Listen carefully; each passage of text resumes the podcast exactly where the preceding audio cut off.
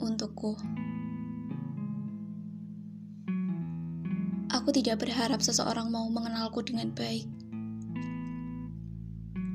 Cukup lihatlah aku sebagai gadis syair dengan mimpi-mimpi yang tidak masuk di akal, katanya. Gadis pintar, namun dengan kebencian di segala mata pelajaran. Kumpulan kertas-kertas yang sengaja aku robek agar terlihat lebih buruk. Pemalas yang suka mengantuk di setiap kelas. Gadis pembantah dengan sifat keras kepalanya. Katanya, Jangan banyak berhayal tentang harapan yang tak mungkin terjadi. Sebab dunia tak cukup peduli meskipun teriakanmu terdengar hingga penjuru semesta.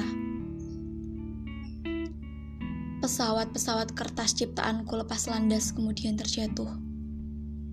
Dan kalian bisa tahu, jika semua itu adalah kumparan kesedihan yang menjelma menjadi temanku selama bertahun-tahun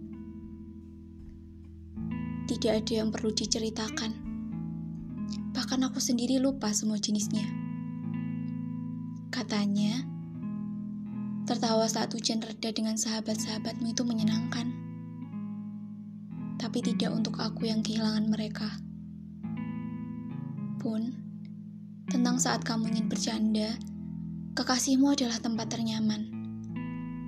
Tapi tidak untukku yang sama sekali tak punya teman laki-laki apalagi kekasih semua sangat basi diiakan. Nyatanya, semua akan pergi, dan kita hanya akan bisa menyalahkan keadaan.